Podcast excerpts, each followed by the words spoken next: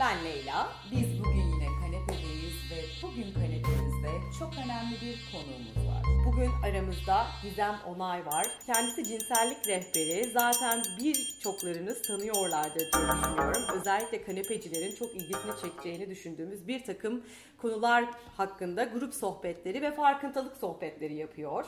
Evet Gizem Hanım özellikle Mayıs ayında 5000 kişiye kadın mastürbasyonunun nasıl yapılacağını canlı yayında anlattı ve bir spekülasyon yarattı. Öncelikle thank you sister. Tüm Anadolu kadınları adına sana teşekkür ediyoruz. Çok teşekkür ediyoruz ve hoş geldin demek istiyoruz. Hoş bulduk. Ben teşekkür ederim. Nasıl bir histi? Önce onu bir sormak istiyorum ben. Yani böyle 5000 kadın böyle buram buram pandemideyiz. Mayıs ayındayız. 2020 yılındayız. Herkes evlerde artık. Sinirler tepelere çıkmış. Ve Türkiye gibi bir yerde bu konuların bu şekilde tabu olduğu bir yerde 5000 kadın yani öncelikle 5000 kişiyi ulaşacağını düşünüyor muydun? Başta ne düşündün? Ya. Sonra neler hissettin?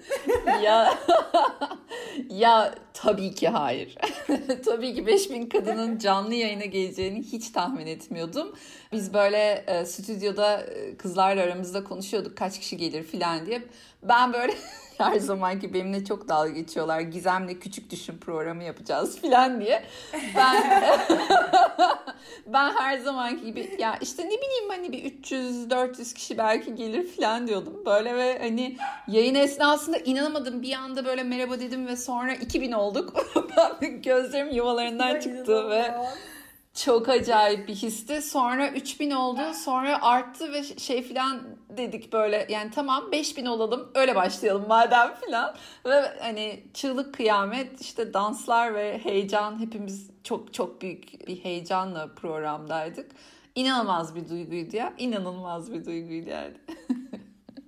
Yani biz açıkçası kanepemizde çok dikkatimizi çekti ve dedik ki e, kim bu kadın ya? Biz bizim bu kadını mutlaka kanepemize almamız gerekiyor. Öncelikle teşekkür etmemiz gerekiyor ve beraber oturup konuşurken aklımıza şu geldi. Hepimizin akıllarında bir soru işareti olan libido konusunu konuşalım istedik. Aslında bu libido konusunu Leyla ile baş başa konuşalım diye düşünmüştük. Sonra da dedik ki Gizem gibi bir cevher aramızdayken neden bu konuyu kanepemizde sevgili Gizem'le konuşmuyoruz. Çünkü libido bu aralar pandemi sebebiyle tetiklendi mi, düştü mü, libidolar yerlerde mi, ne oluyor, ne bitiyor? Herkes bir telaşta. Ee, öncelikle tabii bu libido kavramını tam olarak algılamak gerekiyor. Biz önce bir TDK açıklamasını duyalım sonra biraz Gizem'den dinleyelim. TDK'ya göre libido insanın yaşama gücünün davranışlarının temelini oluşturan cinsel içgüdü. Doğrudur hocam. TDK bence ilk kez çok şahane bir tanım belirlemiş bir kelimeyle ilgili olarak. Biz de tebrik Ya, ettik. Çok güzel. Tabii doğru. Yani hani en basit tanımıyla aslında kişinin cinsel bir eyleme dair arzusu libido. Ve çok şükür ki artık birçok doktor libidoyu genel sağlık ve yaşam kalitesinin bir göstergesi olarak tanıyor ve tanımlıyor. Bu da bizim için çok değerli bir şey tabii. Mesela etrafta hep duyarız işte şu kişi çok yüksek libidoluymuş, şu kişi çok düşük libidoluymuş. Buna göre işte seks performansları tartışılır falan. Tabii ki de hani sokak ağzı diyelim daha çok. O yüzden sana da sormakta fayda var. Nedir bu yüksek libido, düşük libido? Ee, onu da merak ediyoruz aslında. Ya tabii şimdi insanlar arası böyle karşılaştırmalar yaptığımızda işte birileri artı, birileri eksi, birileri fazla, birileri eksik olarak tanımlanıyor ve kategorilere ayrılıyor. Ama işte yani aslında burada sorulacak ilk şey neye göre, kime göre düşük ya da yüksek. Yani ben bu tip kavramlarla ilgili evrensel tanımları çok sakıncalı buluyorum. Çünkü yüksek, düşük libido kavramı aslında kişiye özel. Yani ne demek bu? İşte cinsel eyleme ilişkin yüksek arzu hissetmek ya da cinsel eyleme ilişkin az arzu hissetme hali. Ama işte libidom düşük ifadesini kişinin kendi tanımı belirlemeli bence. Yani mesela işte önceden yüksek arzum vardı, şimdi daha az hissediyorum ve bu benim için okey ya da değil. Ya da işte önceden yüksek hissederken şimdi az hissediyorum ve aslında istiyorum ki daha fazla hissedebileyim. O zaman işte hani e, kişi düşük libidodan bahsedebilir diye düşünüyorum. Çünkü cinsel arzu bir spektrum aslında. Yani birinin normali sende öyle hissettirmeyebilir. Yani bu düşük libido, yüksek libido kişinin kendi cinsel hayatının dinamiklerinin azalması ve yükselmesiyle ilişkili bir şey. Yani ben hayatıma giren erkek arkadaşımı senin libidon niye düşük diye suçlayamıyor muyum? Yani ben öyle düşünüyorum. Ancak şöyle bir şey olabilir. Partnerli ilişkilerde tabii ki hani bir karşılaştırma yaptığında biri birinden daha fazla ya da daha az gözüküyor olabilir. O zaman hani partnerler arası ilişkide ve iletişimde buna bakmak gerekiyor. Yani nasıl nasıl ortak e, ya da nasıl daha yakın bir düzlemde bir araya gelebiliriz ve açıkçası burada hemen aklımıza şey geliyor. Yani libido dediğimizde aklımıza gelen tek şey seksin kendisi ki hani biliyorsunuz seksin tanımını da daha çok böyle penetrasyondan yani vajina penis birleşmesi üzerinden ifade ediliyor. Hani sanki seks denilen şey bir tek bu ve ben vajina penis birleşmesini istemiyorsam yani heteroseksüel ilişkiler için konuşuyorum tabii ki istemiyorsam ya da daha az istiyorsam düşük libidoluyum. Ama hayır belki vajina penis birleşmesinin haricinde yapmak istediğim çok şey var. Ama bunları alan açıyor muyuz? Oraları biraz konuşmak lazım bence. Tabii zaten hani başta da konuştuğumuz gibi daha libido kelimesinin bu denli tabu olduğu bir toprakta bunların böyle detaylandırılarak gerçekten konuşuluyor olması bence çok önemli. Ee, tabii burada hani biraz önce de senin bahsettiğin gibi e, kişinin kendi e, beyanı esastır diyoruz libido ile alakalı olarak. Diyelim ki kendisini yüksek libidolu tarif eden bir kadın var. Diyelim ki arkadaşımızın arkadaşının arkadaşları var bu şekilde. O zaman bir, arka, bir arkadaş için soruyorsun galiba. Soruyoruz tabii evet. Biz evet. her zaman. Bir arkadaşımızın arkadaşı olan o Anadolu topraklarındaki libidosu yüksek kadın adına konuşuyoruz. Libidosu yüksek kadın olmanın bu coğrafyadaki karşılığı nedir? Yani evet maalesef bu coğrafyadaki karşılığı her zaman çok pozitif konotasyonlarla bir arada ilerlemiyor. Ee, sanki libidosu yüksek bir kadın olmak işte hani bu e, geçenlerde Instagram'da da paylaşmıştım işte canı erkek istiyor lafı mesela. Yani yani evet yani libidom yüksek olabilir ve evet canım erkek istiyor olabilir. Canım, canım bazen kadın istiyor olabilir ve bunda sorun ne tam olarak? Ama işte maalesef ki bu coğrafyada birçok e, toplulukta bu bir sıkıntı oluyor. Çünkü kadının öyle bir şey isteme hakkı yok yani zaten. Kadın istememeli, istediğini belli etmemeli. Yatakta da öyle çok ses filan da çıkarmamalı. Tıpkı doğumda da ses çıkarmaması gerektiği gibi. Ya benim erkek arkadaşlarına iyi oral seks vermekten çekinen arkadaşlarım var. Çünkü iyi oral seks yaparlarsa bugüne kadar kimlere bu kadar e, idman yapacak, fırsat bulacak kadar oral seks yaptın diye yargılanmaktan korkan kız arkadaşlarım var. E tabi çünkü hani bir şeyi iyi yapıyor olmak eşittir pratik etmek üzerinden değerlendirildiği için yani tabii ki bir şeyi iyi yapıyor olduğumuzda onu çok pratik etmiş de olabiliriz, etmemiş de olabiliriz. Ama hani bu konsepte konuşacak olursak evet yani bunu pratik etmiş olmamızın nesi yanlış? Çok fena. Kesinlikle.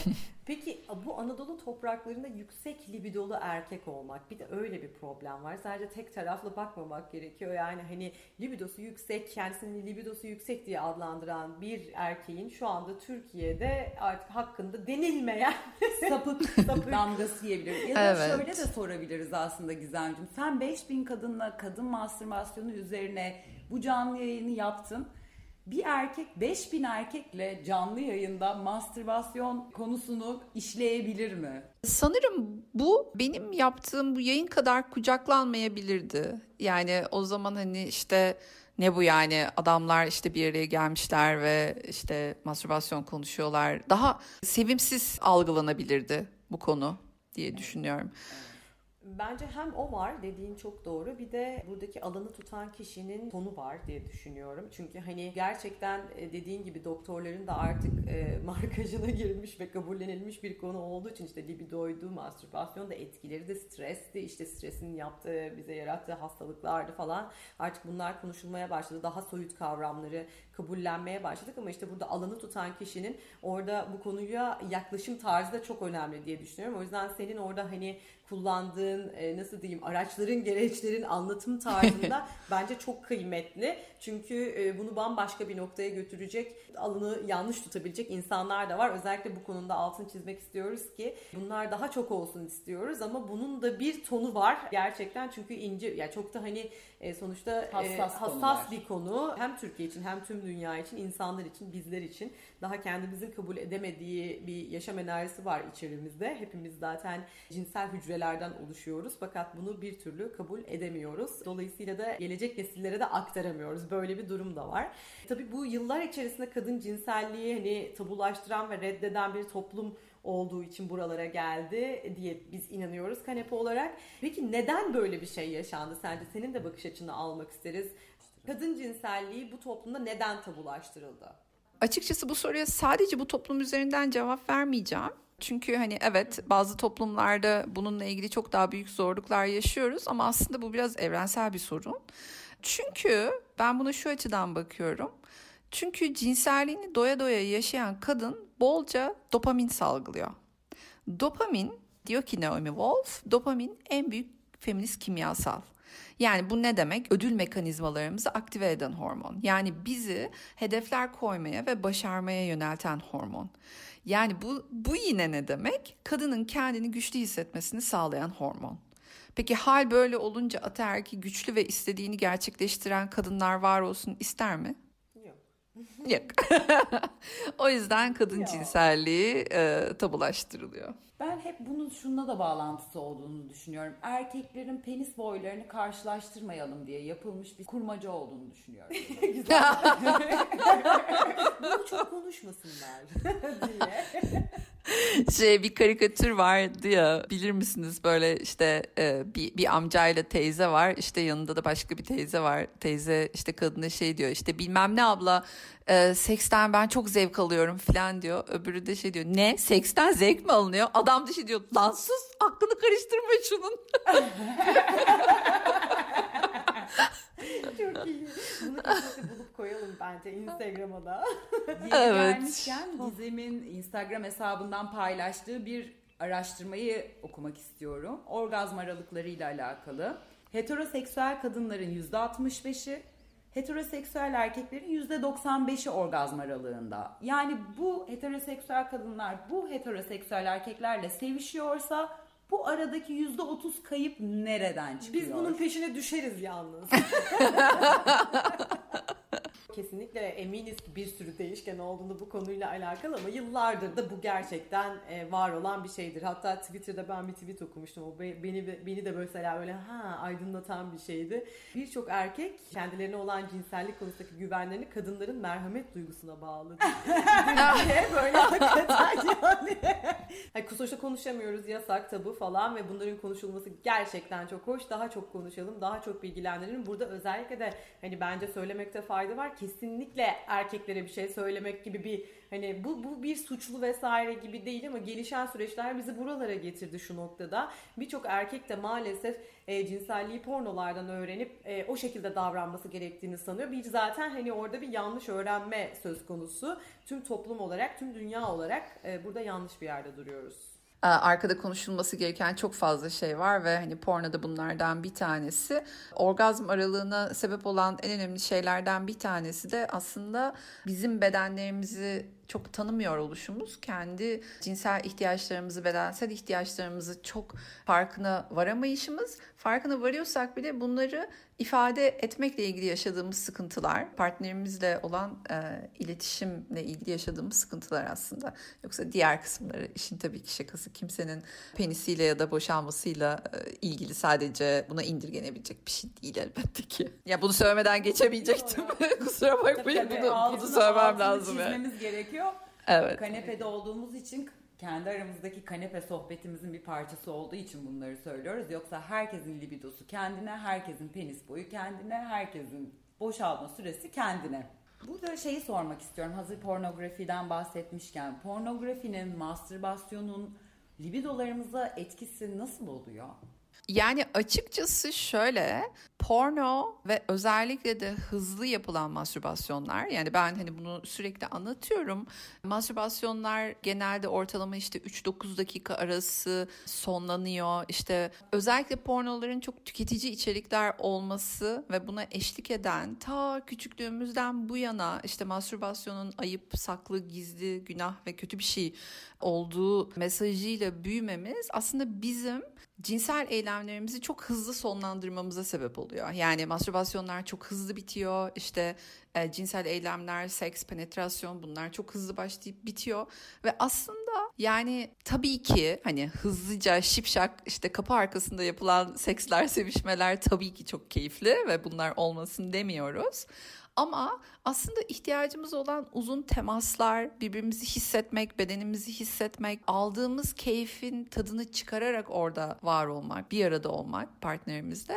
Bunları yaşamadığımızda ve hani daha çok işte bu şipşak seksler ve mastürbasyonlarla dolu bir hayat yaşadığımızda ne yazık ki bu ister istemez libidomuzu etkiliyor. Çünkü aslında bizi hani yüzde yüz tatmin edecek şey bu değil. Yani şipşak ilişkiler ya da ilişkilenmeler değil maalesef. Bizim kanepemizin yine bahsetmek isteriz. Ruhani lideri Serdar Pürem kendisi tantra konusunda. O da tantra rehberi ve benzer ve örtüşen şeyler söylediniz. Şu anda tabii ki de hani seks kimin ne kadar sürede nasıl sevdiği tamamen kişiseldir ama hani seks içinde derinleşmekten bahsediyorsak eğer bu dediğin gibi hani böyle hızlıca ya da işte böyle aralara sıkıştırarak vesaire gibi bir durum söz konusu olmaması gerekiyor. O da tamamen zaten kendimize daha dokunamazken başkasına dokunamadığımız ya da bu süreçleri algılayamadığımız için genelde bunlara evriliyor gibi görünüyor şu aşamada. Evet aynen öyle yani çünkü hani dediğim gibi bizim kişisel olarak isteklerimiz ihtiyaçlarımız gün içinde de farklılaşabilir. Yani akşam eve geldiğimizde bir anda evet kapıdan içeri girer girmez partnerimizde işte ayakkabılıkta da sevişmek istiyor olabiliriz. Ama yani bu zaten güzel bir şey ama hani hep hani bu kadar e, dar anlara, dar alanda kısa paslaşmalara mı ihtiyacımız var? Ona bir bakmak gerekiyor yani. Sürekli bir porno çeker gibi sevişme ihtiyacı zannediyoruz ki cinselliği pornolardan öğrenen gençlikten sebep. Evet, evet. Hazır bu libidoyu porno ve mastürbasyon nasıl etkiliyor diye sormuşken öbür taraftan bir soru sormak istiyorum. Peki bu libidoyu evlilik nasıl etkiliyor? Tek eşlilik, uzun süreli ilişkiler bu konunun libidoya etkisi sizce nasıl? Şimdi ona girersem feci taşlanırım ama gireyim mi? Neyse hadi gireyim. kanepede, kanepede, kanepede gireyim. Kendi düşüncelerimizi konuşuyoruz. Yok şaka yapıyorum tabii. Yani evlilik tabii bambaşka bir konu. Yani ve bence evlilik çok ama çok büyük emek gerektiriyor her açıdan. Ee, bence bunda herkesin fikir. Yani bu benim tabii ki tamamen kişisel görüşüm ama aynı evin içinde yıllarca yaşamak, yıllarca aynı şeyi yapmak cinselliği çok etkileyen bir durum. Yani çünkü biz çok değişen varlıklarız ama hiçbir şey değişmiyormuş gibi davranıyoruz. En büyük bence sorunsal bu. Yani 10 yıl önce sevişirken yapmaktan hoşlandığımız şeyleri hala sevdiğimizi sanıyor partnerimiz mesela ve hani bu onların suçu değil. Onları yapmaya devam ediyor ama biz artık onlardan hoşlanmadığımızı söyleyemiyoruz mesela. Bırakın 10 yılı ay içinde bile keyif aldığımız şeyler değişiyor ve yine hani burada bir iletişimde bir sorun yaşanıyor. Hani bu, bu anlamda libido burada etkileniyor diye düşünüyorum. İletişim kopuklaşıyor. Ee, yani değişen ihtiyaçlarımızla bağlantıda kalmak ve bu ihtiyaçları partnerimizle paylaşmak bence en önemli şeylerden bir tanesi. Ve en az bunun kadar önemli olan başka bir şey de ilişki içinde yıllar içerisinde geçen sürede türlü kırgınlıklar, kızgınlıklar oluyor ve bunlar gerçekten tamir edilmeden hayat devam ediyor. Ve açıkçası bu haller varken keyifli sevişmeler ve hani yani istenilen seviyede bir libido pek mümkün olamıyor. Yani bu hani bunları bence önemli faktörler olarak görüyorum ben. Bir de hani şurada takılıyoruz. İşte bu hani konuşmamızın başında da biraz böyle giriş yaptığım konu. Yani seks dediğimiz şey sadece penetrasyon mu? Vajina penis birleşmesi mi? Buna bakmak gerekiyor. Yani bir sürü kadın tanıyorum mesela yani canı hani hani bu anlamda tarif ettiğim yani bence seks her şey ama şimdi hani konuşma açısından kolaylaştırmak açısından e, seksi vajina penis birleşmesi olarak ifade edeceğim sadece bu konuşma kapsamında. Buna bir bakmak lazım. Yani şimdi kadın belki oynaşmak, öpüşmek, koklaşmak, dokunmak, elleşmek filan istiyor. Ama bunun hani sekse yani vajina penis birleşmesine gitmesini istemiyor olabilir. Ve fakat hani oynaşacağı, öpüşeceği yerde bu hani sekse, sekse sonuçlanacak diye sevişmekten kaçınmaya başlıyor. Anlatabiliyor muyum? Yani burada da hani mesela kopukluklar başlıyor. Aslında hani onun da te- tensel teması ihtiyacı var. Çünkü seks dediğimiz şey aslında tensel temas ihtiyacı her şeyden önce ve bunu hani farklı şekillerde yapabiliriz ama bunu çeşitlendirmek gerekiyor. Yani seksin tanımını genişletmeye ihtiyacımız var aslında. Bilmiyorum net oldu mu? Çok net oldu. Orgazma ulaşan seks ayrı bir kavram. Seks başlı başına ayrı bir kavram haline dönüşüyor. Peki şimdi burada ilişkilerde, evliliklerde partnerler birbirine açık olmalı. Artık bu hoşuma gitmiyor demeli yani hayatındaki erkek arkadaşına, kız arkadaşına cinsel olarak beni tatmin edemiyorsun demenin kibar bir yolu var mı? Tabii ki. Yani o da şu. Yani bu bana iyi hissettirmiyor. Oraya hani nokta nokta bu her neyse. Ve hani bunu açıkçası hani bu tarz konuşmaları karşı tarafı suçlamadan ve onu incitmeden yapmanın yolları olduğuna inanıyorum. Yani mesela şöyle diyelim ki işte bu ilişkinin içerisinde ilk başlarda biliyorsunuz hani genelde böyle tavşan gibi sevişme eğilimimiz oluyor ya ilişkinin başında. O dönemlerde olan bazı şeyler var mesela işte diyelim ki işte çok tutkulu öpüşmeler sadece basit bir örnek veriyorum çok tutkulu öpüşmeler e, dillerin, dudakların, her şeyin birbirine karıştı. Ama sonra mesela artık hani bu dahil edilmemeye başlanıyor bir şekilde. Yani partner karşı tarafa şöyle bir şey söyleyebilir önceden hatırlıyor musun? Şöyle öpüşüyorduk ve muazzam hissediyordum ve ben bunu çok özledim. Yani hani burada kimseyi kırmıyoruz aslında ya da kimseyi incitmiyoruz ya da beni tatmin etmiyorsun demiyoruz. Yani ihtiyacımızı yani bu bana önceden çok iyi geliyordu. Bu şu an artık yok ve keşke yine olsa demek. Ya da mesela ben bir de şimdi şunu denemek istiyorum. Yani bu artık şu yaptığımız şey hani bana eskisi kadar heyecan vermiyor, beni eskisi kadar yükseltmiyor. Ama mesela şunu çok merak ediyorum ve bir de bunu denemek istiyorum demek mesela. Yani senin de ilettiğin gibi aslında suçlayıcı, genelde suçlayıcı konuşmalara meyilimiz var. E, iletişim bir türlü kuramadığımız için ama hani ben diliyle konuşup sen değil de sen bunu yaptın ile ben bunu böyle olmasını tercih ederim gibi cümleler kurarsak belki karşı tarafı bunu yapmaya ikna edebiliriz. Aynen sen öyle. Dili ben dilini seçme kavramını çok sevdim Leyla'cığım. Birazcık daha anlatır mısın kanepedekiler için? E, tabii ki seve seve. E, yani sen dili tamamen senin yaptığın bir şeyden dolayı ben bunu hissediyorum diye karşı tarafa ilettiğin noktalar. Ama eğer ben diliyle konuşursan zaten kendi hislerini anlatıyorsun. Olay da o değil mi zaten? Yani hani ne yaşarsan yaşa günün sonunda senin ne hissettiğin önemli. Ne yaşarsa yaşasın onun ne hissettiği önemli. Yani dolayısıyla hani ben şu anda bunun böyle böyle olmasından dolayı bunları bunları hissediyorum dediğinde zaten karşı tarafa bir suçlamada bulunmuyorsun. Zaten suçlanacak bir şey de yok. Hiçbir konuda yok bence. Hani bu senin karşı tarafa yarattığın bir his refleksiyonu gibi düşünüyorum ben orada. Seks de tabii ki de bunların yani çok çok önemli. Yani hiç konuşamadığımız bir şey. Nice evlilikler bu sebeple bitiyor. Çünkü insanların libido dediğimiz biraz önce zaten Gizem'in hani çok detaylı anlattı. Bu yaşam enerjisine ihtiyacımız var.